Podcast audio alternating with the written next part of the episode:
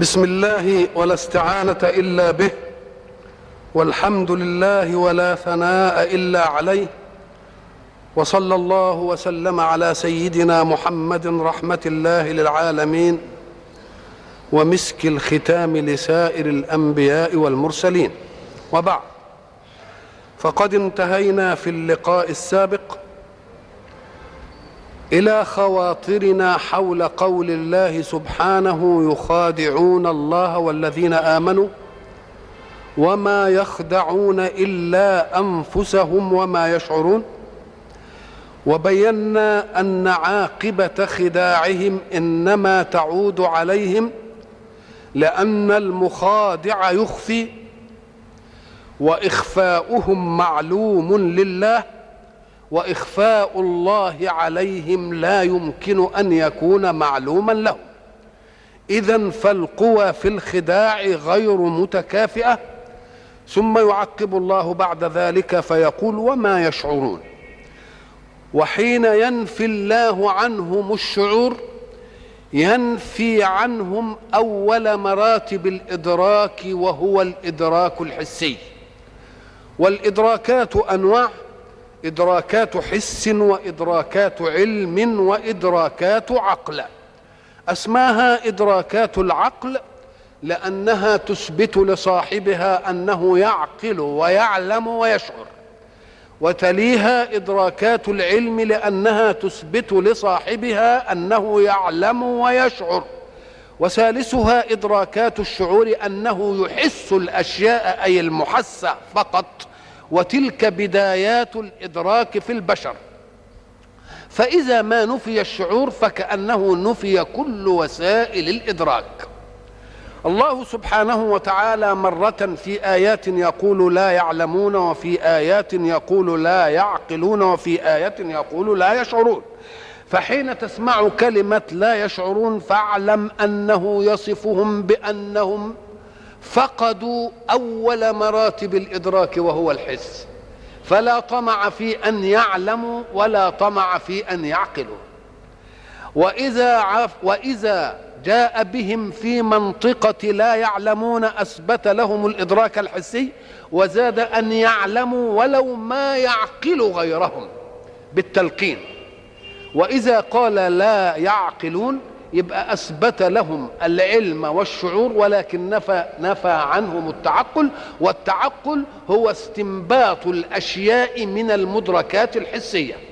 وقلنا إن أول مراتب الحس بالنسبة للإنسان كما قلنا السمع ثم البصر وكل وسائل الحس. ولذلك قال الله كما قلنا في حلقة سابقة والله أخرجكم من بطون أمهاتكم لا تعلمون شيئا. وجعل لكم السمع والأبصار والأفئدة. يبقى دي آخر مرتبة في الإيه؟ في التعقل. الحق سبحانه وتعالى حين يدعو الناس إلى أن يتركوا ما كان يعبد آباءهم ويعبد الله مرة يقول بل نتبع ما ألفينا عليه آباءنا. لما يقول اتبعوا ما أنزل الله يقولوا إيه؟ كان ردهم بل نتبع ما ألفينا أي وجدنا عليه آباءنا. فيرد الله عليهم فيقول أولو كان آباؤهم؟ يقول لا يعلمون شيئا ولا يهتدون ولا لا يعقلون شيئا ولا يهتدون. هنا آية لا يعقلون شيئا. لماذا؟ قال لك لأنهم قالوا بل نتبع ما ألفينا عليه آباءنا بدون قصر وبدون نفي لما يأتي بعد يمكن النهاردة كده. يمكن النهاردة كده وبكرة نتبع ما أنزل الله. لكنه حين يأتي فيقولون حسبنا ما وجدنا عليه آباءنا. يعني مش عايزين زيادة. ما قالوش في الأسلوب الأول كده. ما قالوش حسبنا. إنما هنا قالوا إيه؟ حسبنا فكأنهم أغلقوا الطريق عن الهداية تصل إلى قلوبهم. إحنا اكتفينا بما كان عليه إيه؟ يبقى النفي هنا أشد ولا هناك أشد؟ النفي هنا أشد. يقوم يجي يقول إيه؟ أولو كان آباؤهم لا يعلمون شيئا ولا يهتدون؟ يبقى إيه؟ لا يعلمون نفى. التعقل ما فيش قطع. إنما اللي منفي إيه؟ العلم. ليه؟ لأنهم بالغوا وقالوا حسبنا. ما دام بالغوا وقالوا حسبنا يبقى الرد يجي إيه؟ يجي الرد بيعقلون ولا يعلمون؟ يبقى لازم يجي الرد بيعلمون. اذا لو تتبعت القرآن لوجدت يشعرون في مقام لا يحتمل يعلمون. وإذا وجدت يعلمون فهي في مقام لا يحتمل يعقلون. فكل كلمة من كلمات القرآن عاشقة لموضوعه. وكل موضع في القرآن جاذب لكلمته. يبقى مش ممكن ليه؟ لأن المتكلم من؟ المتكلم الله. ولذلك يضع الكلمة في الوضع الذي لا يمكن أن تؤديه كلمة أخرى. واللقطات التي توحي بها الكلمة يستنبطها العقلاء المتدبرون. ولذلك ربنا يحسنا يقول إيه؟ أفلا يتدبرون القرآن؟ يتدبرون. معنى يتدبرون إيه؟ يعني لا تنظر إلى واجهة القرآن ولكن انظر إلى المعطيات الخلفية للقرآن. القرآن له واجهة للجميع ولكن له معطيات خلفية يعرفها المتدبرون. ولذلك سيدنا ابن مسعود يقول إيه؟ ثوروا القرآن. ثوروا القرآن يعني إيه؟ يعني أهيجوه علشان تطلعوا منه الكنوز. فرفروه كده علشان الكنوز إيه؟ تطلع. فكأن في أشياء كثيرة. إحنا بصدد اليهود حين يقول لهم الحق سبحانه وتعالى. اتبعوا ما أنزل الله. قالوا ما مش هنتبع إلا ما أنزل علينا. ولو كان اللي جاي مصدق لما إيه؟ إحنا آمنا بما أنزل علينا. طيب يا سيدي ما دام آمنتم بما أنزل عليكم قولوا لنا بالله جاوبوا لنا على السؤال ده. فلم تقتلون أنبياء الله؟ أكان مما أنزل الله عليكم أن تقتلوا أنبياءه؟ وقد بعثهم لكم مبشرين ومنذرين. هم قتلوا الأنبياء وبيقولوا إحنا هنؤمن بما أنزل علينا. طب ما أنزل عليكم أفيه أن تقتلوا الأنبياء؟ شوف الإفهام. إنما دقة الأداء بقى جاي هنا إزاي؟ فلم تقتلون أنبياء الله؟ لو أنه سكت على هذه ربما ظن ظان أو ربما ظنوا هم أو ربما ظن رسول الله أو ربما ظن المؤمنون مع رسول الله أن سيما هؤلاء أن يقتلوا الأنبياء. فهم يشفقون أن يفعلوا ذلك برسول الله كما فعلوا بأنبيائهم. تبقى المسألة زلزلة في إن الرسول من الممكن؟ هم قتلوا الأنبياء ولا ما قتلوش؟ اذا يمكن يجي في بالهم كده إنهم برضو النبي ده يقتلوا وقد حاولوا ولا ما حاولوش؟ حاولوا. طب والمؤمنين لما يسمعوا كده فلما تقتلون أنبياء الله من قبل؟ ألا يخافون على نبيهم أن يفكر هؤلاء في قتله؟ ألا يفكر رسول الله في أن يفكروا في قتله؟ لكن انظروا بقى إلى الآية الحاس إلى الكلمة مش الآية كلمة حاسمة. قل فلم تقتلون أنبياء الله من قبل؟ كأن المسألة دي انتهينا منها خالص. يعني اقطعوا الأمل في أن تفكروا في قتل محمد. ما عادتش الحكاية. ده زي ما إحنا نقول إيه؟ ده الكلام ده كان زمان. شوف كلمة اللي ادانا هذا كله إيه؟ فلم تقتلون أنبياء الله من قبل؟ كلمة من قبل هنا حسمت الموقف. بالنسبة لمين؟ بالنسبة لمحمد صلى الله عليه وسلم. وبالنسبة للمؤمنين وبالنسبة لآمالهم في أن يقتلوا رسول الله كما فعلوا بالأنبياء إيه؟ السابقين ولهم سابقة في ذلك. فتحسمها كلمة من إيه؟ من قبل. فلم تقتلون أنبياء الله من قبل؟ إن كنتم مؤمنين. إذا فكلمات القرآن كلمات موحية كلمات معبرة. هنا يشعرون وستأتي في آيات أخرى يقول لا يعلمون وآية تانية هيقول فيها تانية يشعرون. إذا المسألة مش يشعرون يشعرون يشعرون ولا يعلمون يعلمون يعلمون أبدا. في قلوبهم مرض. السبب في هذا إيه؟ قال في قلوبهم مرض. والمرض خروج أجهزة الجسم عن حد الاعتدال. كل جهاز في الجسم له حد اعتدال. ساعة يخرج عن حد اعتداله تشعر به. أنت لا تشعر بعينك ابدا إلا إذا خرجت عن حد الاعتدال. وابتدأت تؤلمك تفتكر إن لك عين. ما تفتكرش إن لك عين ما دامت في حد الاعتدال وتؤدي مهمتها. وما تفتكرش إن لك بطن ابدا إلا إذا بطنك وجعتك وما تفتكرش إن لك كلية إلا إذا جنبك. ما تفتكرش دي خالص. ولا تفتكرش إن ليك مسانه إلا إذا كنت عايز تتبول الله. اذا فخروج جهاز من أجهزة الجسم عن حد الاعتدال هو الذي يدلك عليه. وإحنا قلنا الدلالة عليه بالألم. قلنا كأن الألم صيحة صحية مش مرضية. تقول لك أيها الإنسان في هذا المكان عطب. الحق نفسك.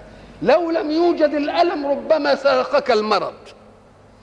ولذلك الأمراض اللي تيجي اولا بدون ألم أعصى الأمراض على العلاج.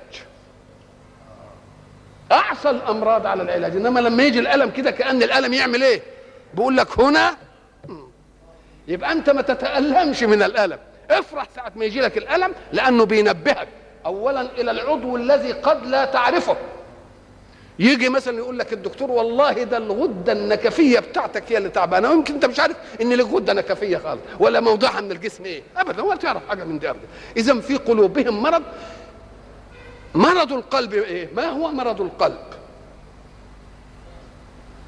آه. مرض القلب القلب ده الجسم الصنوبري ده هو ده بيضخ الدم. صحيح هو اللي بيضخ الدم على الجسم والدم هو اللي بيدي الحياة وبيدي الحركة وبيدي مش عارف إيه. ده في كلام الإيه؟ في الكلام المادي. إنما في الأمور القيمية تتركز المحسات والمعقولات إلى قضايا تعقد في القلب عقدا كما قلنا لا تطفو لتناقش من جديد. وبعد ذلك ما حركة الحياة تسير على وفق هذه. والإنسان له قلب وهو القطعة الصنوبرية دي. مكان القلب أو الحيز اللي فيه القلب ده نسميه الفؤاد. وإن كنا بنفهم إن الفؤاد هو الإيه؟ هو القلب. لا هو مكان القلب. الحيز اللي بيشغله القلب.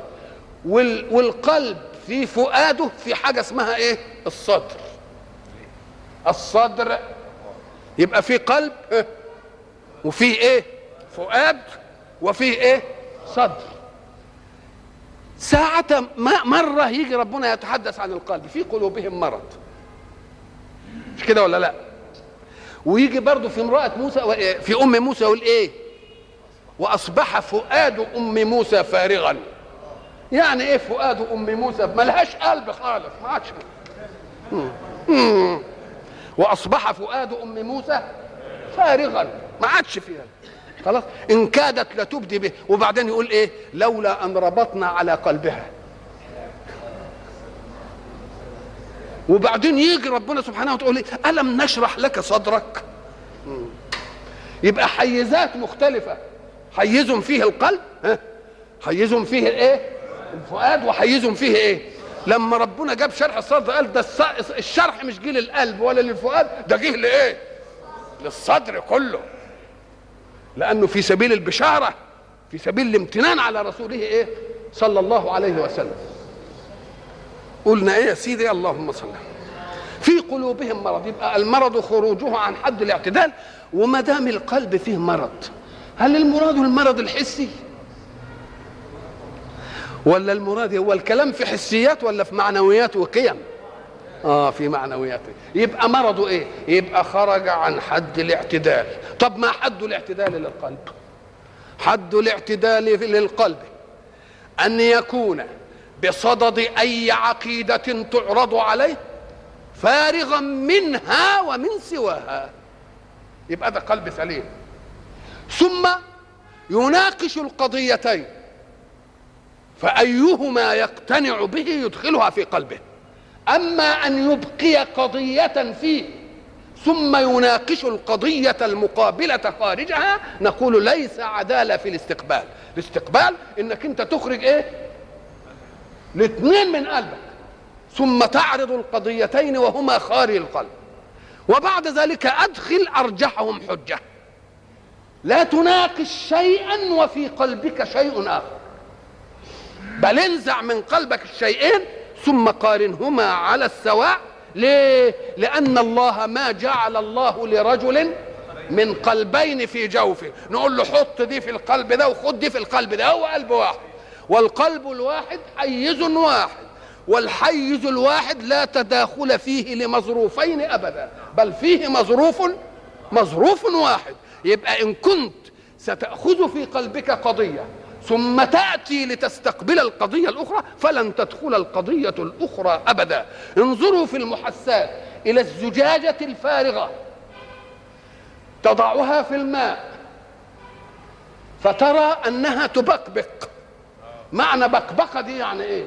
لا يمكن أن يدخل الماء إلا إذا خرج الهواء.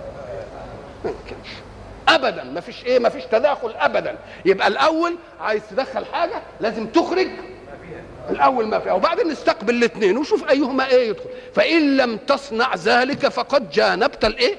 فقد جانبت الفطرة وأدخل هواك شيئا واستقر فيه وبعد ذلك تناقش الشيء بهوى وهو مستقر فيك هوى مقابله. يبقى ما ينفعش الكلام ده. في قلوبهم مرض فزادهم الله مرض. أتذكرون أننا قلنا طبع الله على قلوبهم؟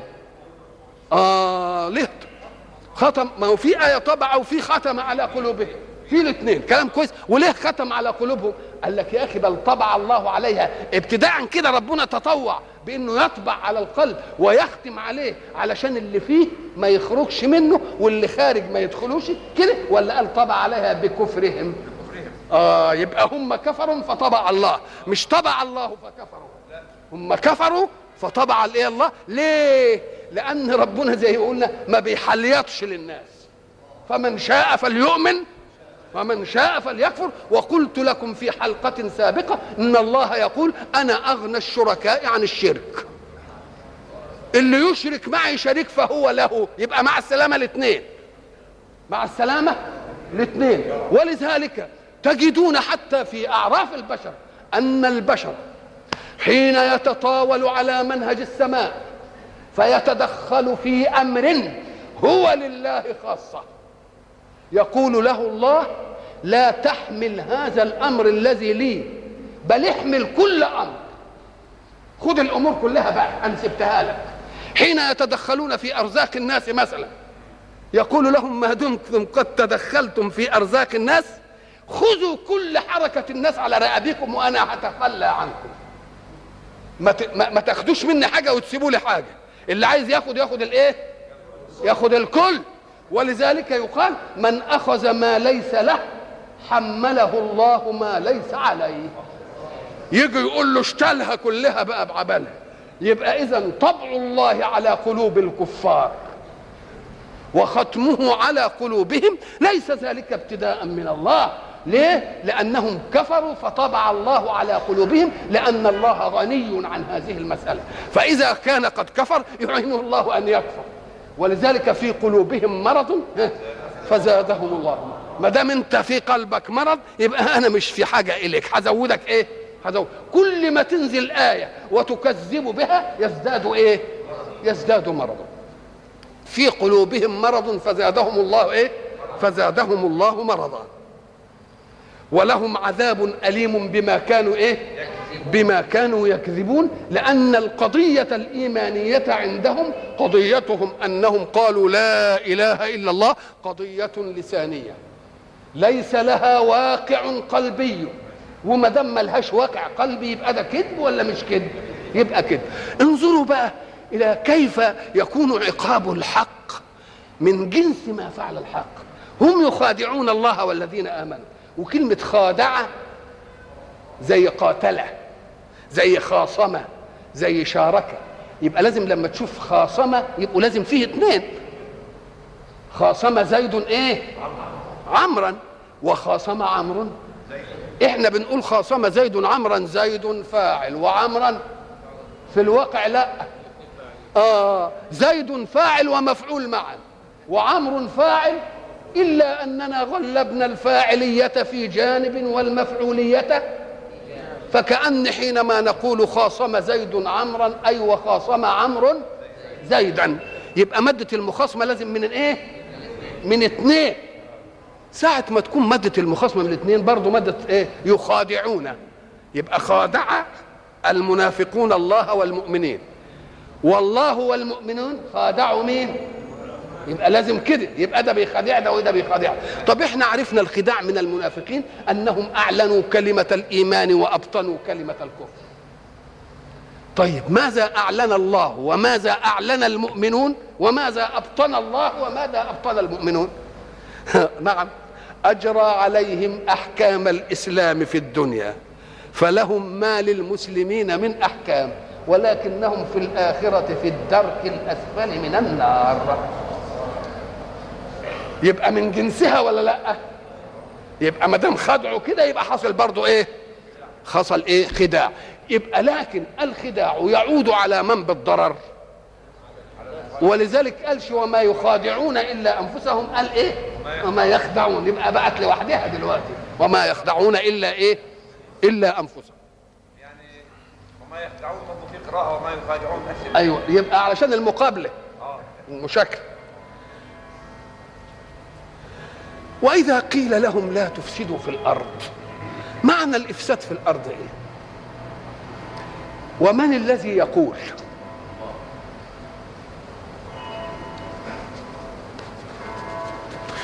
ساعة ينزل الله قرآنا.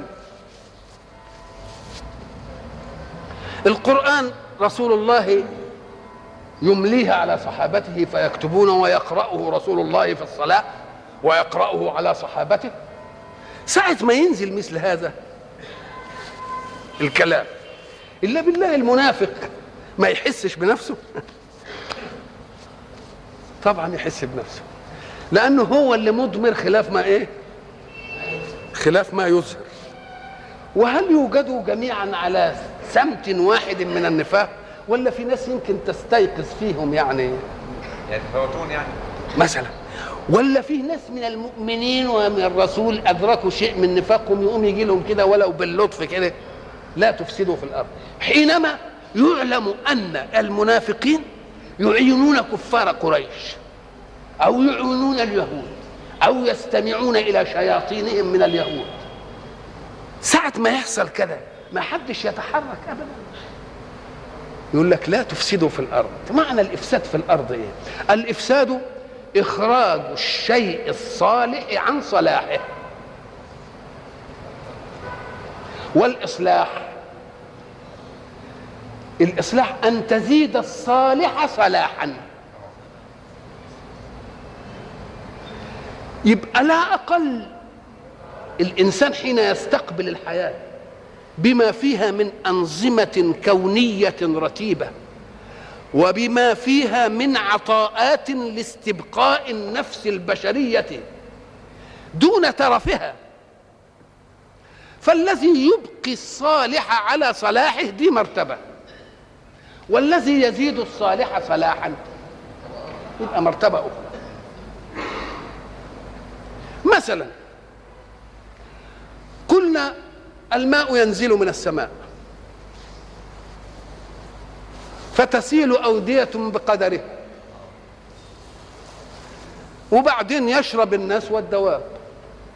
وتروى الإيه؟ الأرض. واللي باقي يجي تشربه الأرض سلكه ينابيع في الأرض. وبعدين لما يجي في الأبار يقوم يقب في حتت. الناس تروح ترتوي منه. لكن يذهبون إلى الماء. فإن تركنا المسائل زي ما هي كده يبقى أبقينا الإيه؟ الصالح على صلاحه وإذا جه واحد شاف عين كده من العيون ولا بئر وطمه وردمه يبقى أخرج الصالح بطبيعته عن صلاحه. يبقى أفسد. لكن يجي واحد تاني يلاقي البير جاله شوية رمل وشوية حجارة وجراويل قعدت تسده قام قاعد يعمل فيه إيه؟ يصلحه كده ويشيل الحاجات دي منه ويعمل له شفة ويعمل له مكان الناس تقف عليه ويعمل له مكان للدلاء ويعمل له مش عارف إيه علشان يطلعه على بكرة. بدل ما ينزلوا مثلا تحت الله يبقى ده بيزيد الإيه؟ بيزيد الصالح. صلاح. يبقى الإنسان مطلوب منه إيه في الكون؟ أن يستقبل نعم الله الموجودة لتؤدي له مهمته فلا يفسدها. وإن شاء أن يستعمل العقل المخلوق لله بالطاقة والقوة المخلوقة لله في المادة المخلوقة لله ليزيدها صلاحا فليفعل. أحنا قلنا اللي بنى صهريج عالي وجاب آلة رفع كده تشد المية من الواطي وتطلعه إلى العالي علشان يريح الناس من الذهاب إلى الآبار والعيون ويملوا القرب ويملوا الصفائح ويعملوا وتودي لهم المية لحد البيت. يبقى جاء للصالح فزاده إيه؟ صلاح. اللي جه للماء العكر مثلا كده وعمل له مروقات تروقه كده وتطهره مش عارف من إيه يبقى زاد الصالح إيه؟ صلاح. يبقى شر شر الناس من يصنع ماذا؟ من يأتي إلى الصالح في ذاته فيفسده. ودول اثنين يفسدوا وهو يعلم أنه يفسد. يمكن نقنعه فيعدل لكن إذا كان يفسد ويدعي أنه يصلح. هذه المصيبة في الكون. هل أنبئكم بالأخسرين أعمالا؟ الذين ضل سعيهم في الحياة الدنيا وهم يحسبون أنهم يحسدون صنعا ده الفساد الكبير. الجماعة المنافقين دول شغلتهم كده. إذا قيل لهم لا تفسدوا في الأرض في ماذا؟ في أنهم يعينون على الإيمان الكافرين. يضعون العراقيل في سبيل قضية الحق أن تنتشر. يتعرضون للمؤمنين بالاستهزاء. يتعرضون للمؤمنين بالسخرية. يحاولون أن يهتكوا أعراض المسلمات. كل ذلك لون من الفساد. كل هذا بإقرار الجميع لون من الفساد. فلتبجحهم ارتقى تبجحهم مرحلتين. لا تفسدوا في الأرض. قالوا إنما نحن مصلحون. كم مرحلة؟ يعني إحنا ما أفسدناش. يعني لم نخرج الصالح عن صلاح بل إحنا عملنا إيه؟ حين يصنعون ذلك ماذا يكون موقف الرد عليهم؟ موقف الرد عليهم تنبيه ألا إنهم هم المفسدون. افتنوا إلى كلمة ألا ديا أحسن تفتكروا إنها جاية كده بدون بدون هدف. ليه؟ ساعة يتكلم المتكلم. المتكلم ملك نفسه يتكلم متى شاء. لكن السامع يفاجأ بالمتكلم. هو السامع له رأي في المتكلم. المتكلم هو اللي له رأي يتكلم إمتى إنما السامع هو اللي إيه؟ اللي يفاجأ بأن حد بيتكلم. فإذا كان المتكلم يريد كلاما مهما لا يحب أن يفوت السامع منه شيء يقوم لا يقول كلمة من كلامه إلا بعد أن ينبه أذن السامع إلى أنه سيتكلم. يقوم يقول ألا ساعة ما تسمع ألا دي ملاش معنى هنا. إنما ألا دي يعني إيه الجرس؟ ليه؟ لأن أنت ذهنك أيها السامع مشغول ما أنتش قاعد مترقب كلام ولا أي حاجة. فإذا كده كان كده يمكن يجيب جملة على ما تتنبه يكون إيه؟ يكون فاتك. والله لا يحب أن يفوتك من هذا الرد شيء. يحب أن لا يفوتك من هذا الرد شيء. يوم يقول ألا أوه أهي ألا ديا خلت الأذان تستشرف إلى أن فيه كلام جديد. يبقى اذا إذا تكلم بعد ذلك فسيكون كلامه مع استحضار انتباه السامع. ولا ينبه المتكلم السامع إلى كلامه إلا إذا كان الكلام مهما جدا. ويحب المتكلم أن يسمعه السامع. وإلا لو كان مش عايز يسمعه كان ياخده على إيه؟ مش هنقول ماني قلت. إنما معنى إنه بده ينبهه. إنه واثق من إن الكلام ده إيه؟ الكلام ده حق. والكلام ده صدق. ومن مصلحتي أن يسمعه أن يسمعوا السمع. ليه؟ لأن الذي يقول كلام لا رصيد له من حق لا يحب أن يتنبه له السامع. إنما الذي يحب أن يتنبه له السامع هو من يتكلم كلمة الإيه؟ كلمة الحق. فساعة ما يقول ألا ودي حتى عند العرب. هو الشاعر لما قال ألا أيها النوام ويحكم هبوا أسائلكم هل يقتل الرجل الحب؟ ألا أيها النوام ألا دي جاية تعمل إيه؟ هو الكلام وخصوصا أيها النوام. شوف إزاي. أيها الإيه؟ يبقى ألا دي عملت إيه؟ خلاص عشان الكلام يجي وقد تنبه السامع لأن يسمع فلا تفوته إيه؟ فلا تموته ك... فلا تفوته كلمة. ودي تاخدوها أن زي- ما واحد يكون بده يقول لك كلام حق يقول لك انتبه كويس شوف أنا هقول إيه. الله. ما يقولكش كده إلا إذا كان واثق من أن كلامه سيكون محل القبول. لو كان كلامه مش محل القبول كان يقول ولو مدغمش إنما لما يقول لك تنبه إيه إيه اوعى صح شوف أنا هقول إيه يبقى معناها إيه؟ معناها أنه واثق من أنك إذا استقبلت كلامه بعمق فهمك وكليته ستجده كلاما إيه؟ كلام حق. يبقى ساعة ما تشوف اله التنبيهية دي فاعلم أن المتكلم واثق من أن كلامه سيصادف منطقة القبول لأنه لم يتجاوز منطقة الحق. ألا إنهم هم المفسدون؟ ولكن لا إيه؟ برضه لا يشعرون. ليه؟ لأن إفسادهم أمر حسي.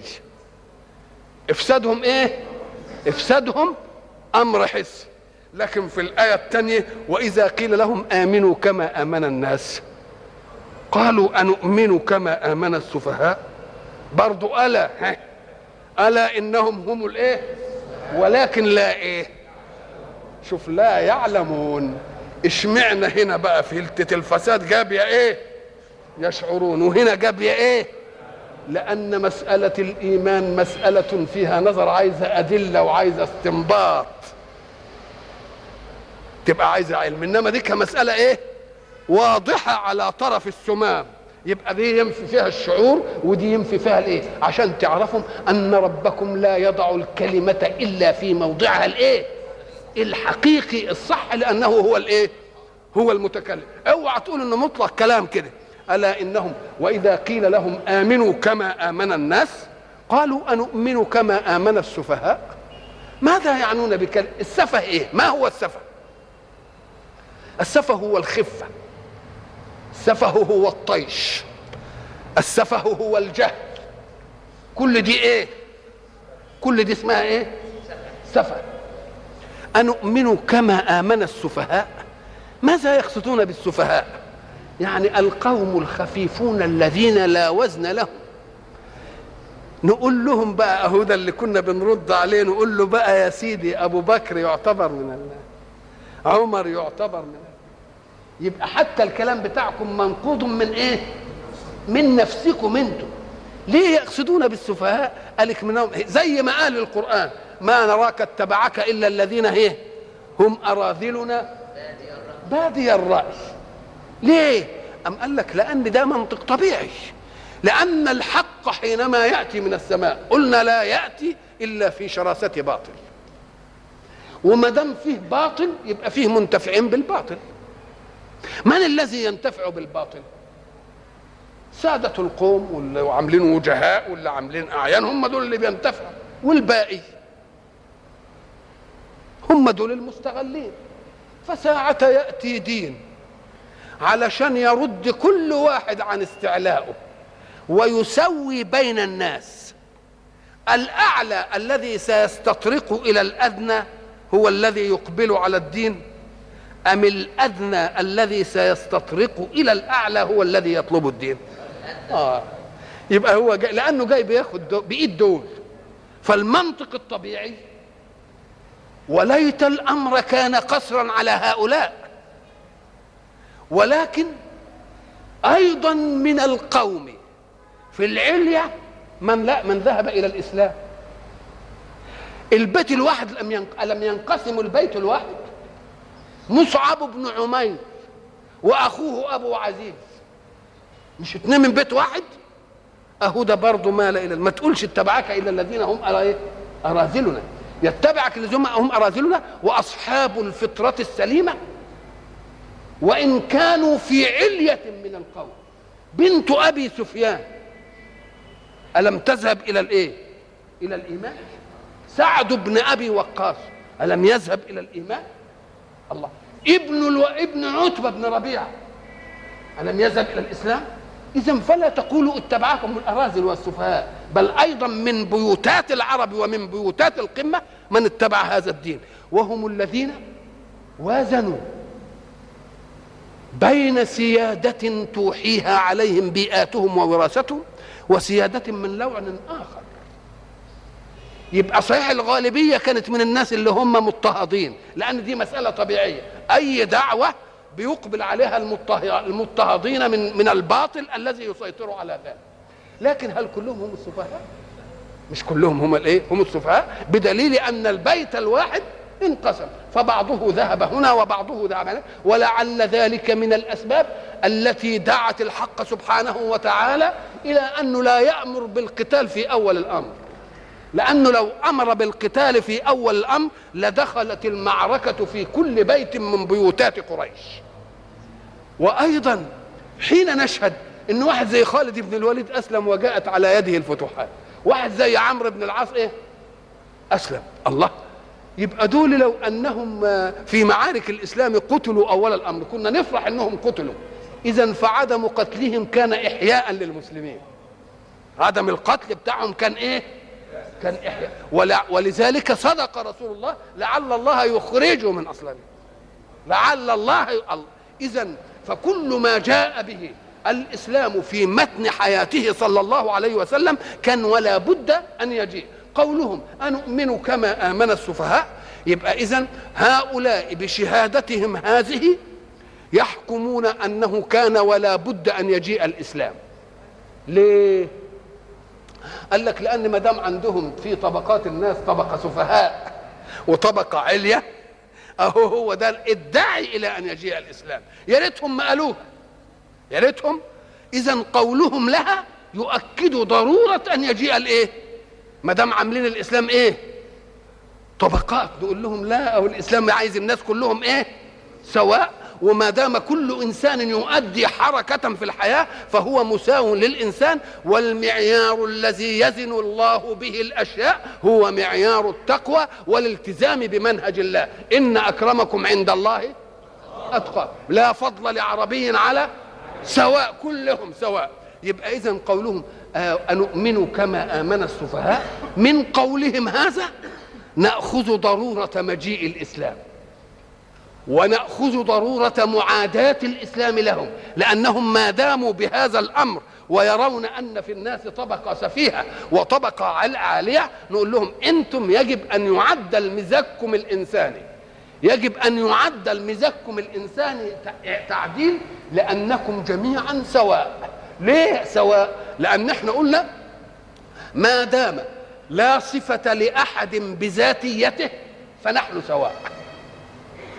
معنى لا صفة لأحد بذاتيته حينما شرحنا الذاتية قلنا إن الإنسان ما دام مش أموره بذاته يبقى متغير. وما دام متغير يبقى لا يصح أن يقيس قمته بحضيض غيره. ليه؟ لأنه ما دام متغير يبقى القمة دي من الممكن أن تكون أن تكون حضيضا. يبقى من مصلحته هو ما دامت قميته ليست ذاتية فيه إن الناس يكونوا سواء. ليه؟ حتى إذا ما تغير من قميته إلى حضيضية يبقى اللي في اللي هيطلع في القمة ده وقد كان في الحضيض يبقى لا ينظر إليه. يبقى اذا هو بيحمي نفسه ولا ما بيحمي؟ بيحمي الأغيار المتغيرة في نفسه. وأنا قلت مرة أن الإنسان ما دامت مقوماته في ذاته غير ذاتية حين يصل إلى قمة شيء أو إلى كماله يجب أن يفطن إلى أنه سيتغير. ليه؟ حين ننظر إلى الذين سيطروا.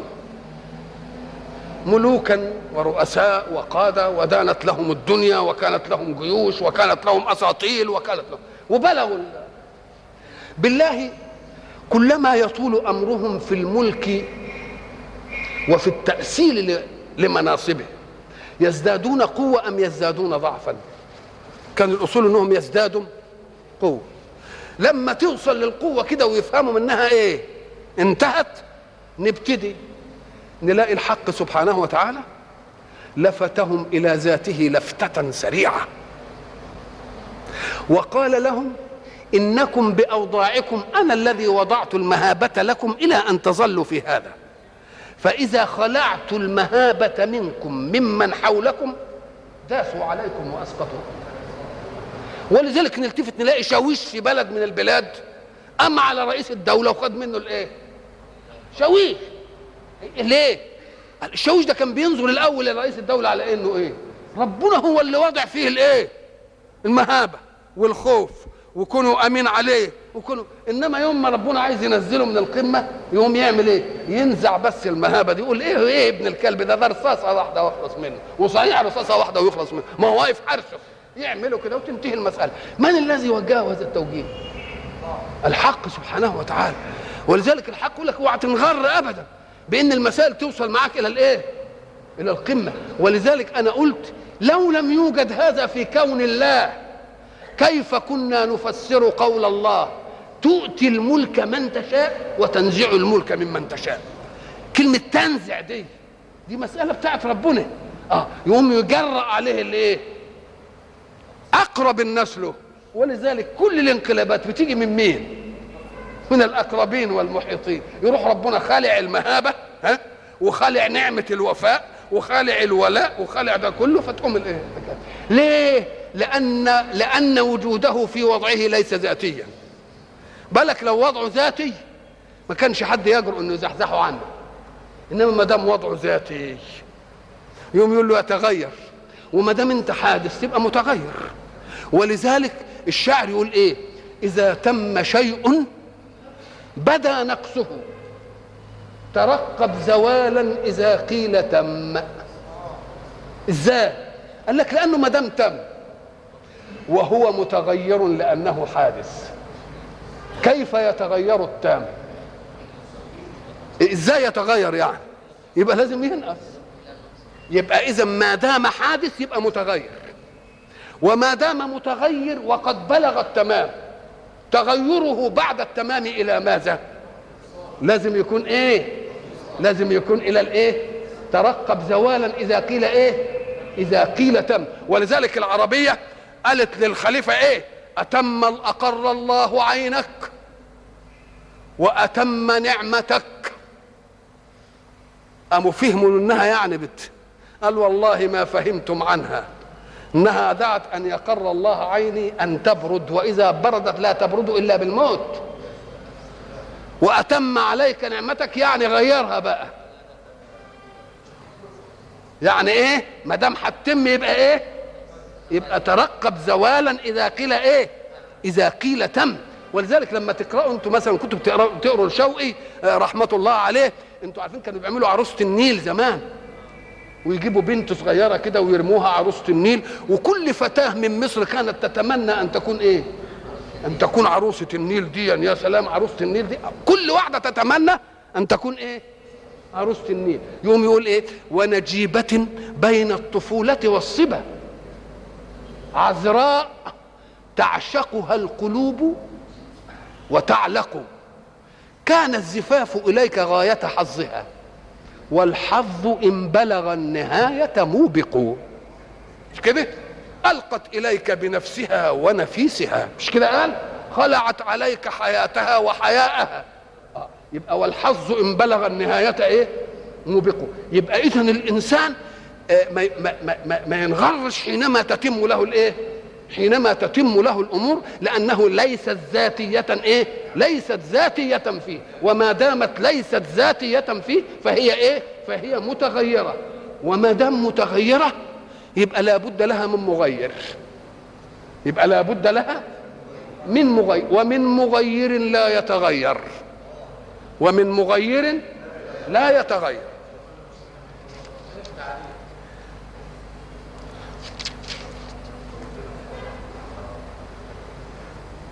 وإذا قيل لهم آمنوا كما آمن الناس قالوا أنؤمن كما آمن السفهاء؟ يبقى عندهم طبقيه وما دام عندهم الطبقية دي يبقى كان واجب يجي دين علشان يزحزح من نفسهم هذه الإيه؟ هذه المسألة. ألا إنهم هم السفهاء ولكن لا يعلمون. لأن السفه دي مش خفة. طيب هم الحكم بتاعهم ده له قاعدة. نشوف السفيه ده مش شوف غايته إيه؟ الغاية التي يسعى إليها ماذا؟ هب أنه ظل حياته هكذا. ماذا يكون موقفه في الآخرة؟ يبقى اذا الذي يعمل لهذه الفانية يبقى هو السفيه. ليه؟ لأن كنت تعمل للفانية لو كانت هي وحدها. إنما هي وشيء آخر يبقى اذا السفيه هو من يعمل لهذه فقط. نقول والعاقل الكيس هو الذي يعمل لما بعد الموت. وإذا لقوا الذين آمنوا قالوا آمنا. وإذا خلوا إلى شياطينهم قالوا إنا معكم. إنما نحن مستهزئون. وإذا لقوا الذين آمنوا قالوا آمنا. تلك هي الخسه ليه؟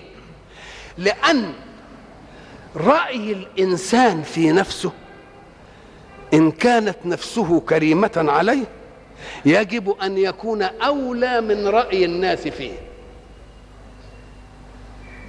وإلا إذا احترمت رأي الناس فيك مع معرفتك بالدنية في نفسك يكون الناس أكرم من نفسك عندك أنت.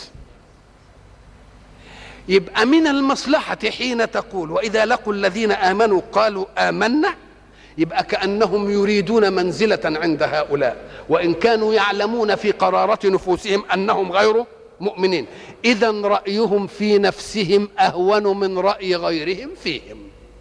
وحين يكون رأي الإنسان في نفسه أهون من رأي الناس فيه تكون الناس أكرم عليه من نفسه ويكون هو الذي حكم اولا بسقوط نفسه وانحدار منزلتها. أسأل الله سبحانه وتعالى أن يوفقنا إلى لقاءات أخرى نجلي فيها خواطرنا نحو كلام الله. والسلام عليكم ورحمة الله.